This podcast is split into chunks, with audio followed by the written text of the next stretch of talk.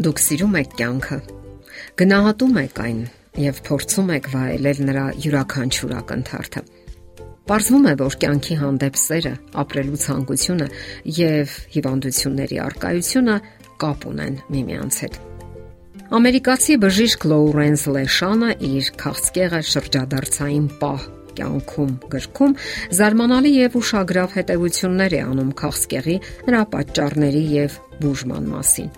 Հիմնվելով իր բժշկական երկար տարիների փորձառությունների վրա, նա այն տեսակետն է հայտնում, որ քաղցկեղը մահացու հիվանդություն չէ, իսկ նրա բժշկական փորձառությունը անցնում է 30 տարուց։ Իր գրքում նա գրում է, որ այդ հիվանդության ժամանակ հիվանդները հնարավորություն են ստանում իրականացնելու այն, ինչի մասին երազել են տարիներ շարունակ եւ այդպես էլ լրջորեն գործի չեն կպել։ Եվ ահա, իմանալով իրենց մոտ արկա այդ հիվանդության մասին, նրանք սկսում են իրականացնել այն Նրանց մոտ սեր է ծնվում կյանքի հանդեպ, գնահատում են կյանքի յուրաքանչյուր պահը եւ նրանց մեծ մասի մոտ հիվանդությունը նահանջում է Իսկ բժիշկն այն հետևությունն է անում, որ քաղցկեղը մեծապես կապված է մարդու ներքին վիճակի հետ։ Երբ մարդը դադարում է իմաստ տեսնել կյանքի մեջ, հուսահատվում է եւ зерքերը ծալած սпасում մահվանը, հիվանդությունը գլուխ է բարձրացնում։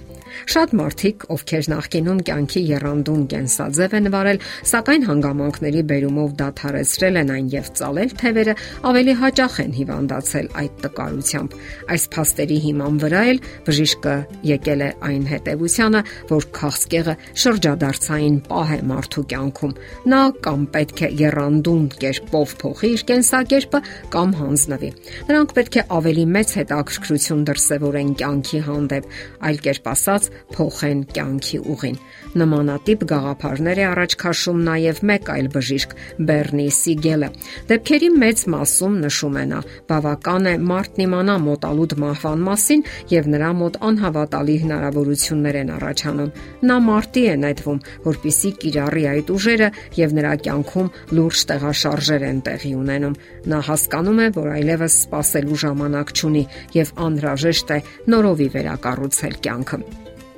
Մարդիկ հաճախ են ասում. Ես չեմ սիրում իմ աշխատանքը, իմ մասնագիտությունը, իմ կյանքը այնքան խառն է ու բարդ, սակայն իմանալով հիվանդության մասին, նրանք սկսում են փոխել տարիներով արմատացած կենսակերպը, զբաղվում են սիրելի մասնագիտությամբ, որոշում են նոր ոլորտներում փորձել ուժերը, կարգավորում են ընտանեկան հարաբերությունները եւ հանկարծ նկատում են, որ հիվանդությունը նահանջել է։ Շատերը սկսում են փորձել իրենց ուժերը երաժշտական բնագավառում։ Գրում են իրենց երազած գիրքը։ Մի մասն էլ սկսում է ճամփորդել, գնալ այն երկրները, որ երազել է մանկուց։ Անցնում է ժամանակ, եւ նրանք նկատում են, որ մոռացել են հիվանդության մասին։ Իսկ չէ որ իրենց ապրելուն 1 տարի ժամանակ էին տվել։ Ինչ տեղի ունեցավ։ Տեղի է ունեցել այն, որ նրանք սկսել են ապրել։ Այս ամենը մեզ մտորելու ծանրակշիռ նյութ է տալիս։ Եթե դուք զգում եք, որ կյանքը սկսել է անհետաքրքիր դառնալ եւ բավականություն չի պատճառում, ուրեմն ժամանակն է վերակառուցել այն, նորովին այլ ամեն ինչին Ըստ բժիշկների, այդպիսի կյանքը երկար ու բավականություններով լի ընթացք է ապահովում մարդու համար։ Սակայն հասկանալի է նաև այն, որ որոշ դեպքերում պարզապես հնարավոր չէ արմատապես փոխել կյանքը, թեկուս հենց դրամական հիմնախնդիրների պատճառով։ Սակայն այս դեպքում էլ կարելի է ամեն հնարավորն անել առավելագույնս օգտագործելով սեփական հնարավորությունները կենսակերպը փոխելու համար փոխելու միջավայրը, մասնագիտությունը եւ այն ամենը, ինչն այլևս բավականություն չի պատճառում։ Եթե չեք կարող փոխել հանգամանքները, կարող եք սիրել կյանքը։ Դրա համար գումարների կարիք չկա։ Դուք կարող եք սիրել մարդկանց ու նաև ձեզ։ Դա եւս գումարային ներդրում չի պահանջում։ Նույնիսկ կարելի է սիրել այն աշխատանքը, որը հաճույք չի պատճառում, Դրա համար հարկավոր է փոխել աշխարհայացքը, ներքին դրթապաճառները, գտնել նոր պատճառներ։ Չէ՞ որ կյանքն իրականում ամեն օր նորովի է բացվում, նոր գույներով։ Պարզապես հարկավոր է տեսնել այդ գույները։ Եվ երբ դուք ոչինչ չեք սпасում կամ չեք ակնկալում, նկատում եք, որ իսկապես երջանիկ եք։ Շատ մարդիկ ողբերգություն են ապրում այն բանից, որ տալիս են եւ ոչինչ չեն ստանում։ Նրանք ասում են. Ես իմ սիրելիին շատ բան եմ տալիս, սակայն քիչ եմ ստանում։ Իսկ կարելի է արդյոք թվաբանության վերածել հարաբերությունները։ Այդ դեպքում հարաբերությունները վերածվում են ծանր պարտականության, եւ մարդը ժամանակի ընթացքում այնքան վիրավորանքներ է կուտակում, որ դա պարզապես կարող է սպանել նրան։ Մեր անհաջողությունները հաճախ օգտակար ծառայություն են մատուցում մեզ։ Հիվանդությունները ցույց են տալիս, որ մենք սխալ ապրելակերպ ենք վարում, որ հարկավոր է փոխել անառողջ սովորությունները եւ կախվածությունները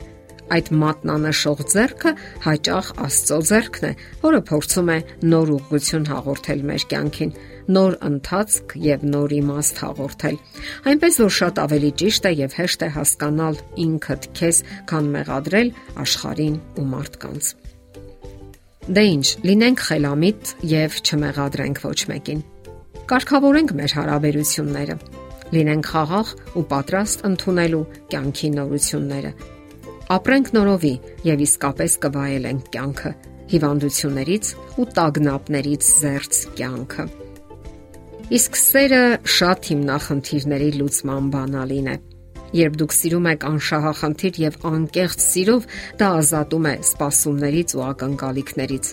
Իհարկե միշտ չէ, որ ոչ մինչև վերջ հնարավոր է այդպես, Սակայն բոլոր դեպքերում պետք է այնպես կառուցել կյանքը, որ ուշադրությունը կենտրոնացնեք ձեր սիրո վրա եւ ավելի քիչ ակնկալիքներ ունենաք եւ վստահ եղեք, որ կյանքում իսկապես մեծ փոփոխություններ տեղի կունենան։ Սիրեցեք, գնահատեք ու վայելեք կյանքը։ Եթերում առողջ ապրելակերպ հաղորդաշարն է։ Հարցերի եւ առաջարկությունների համար զանգահարել 033 87 87 87 հեռախոսահամարով։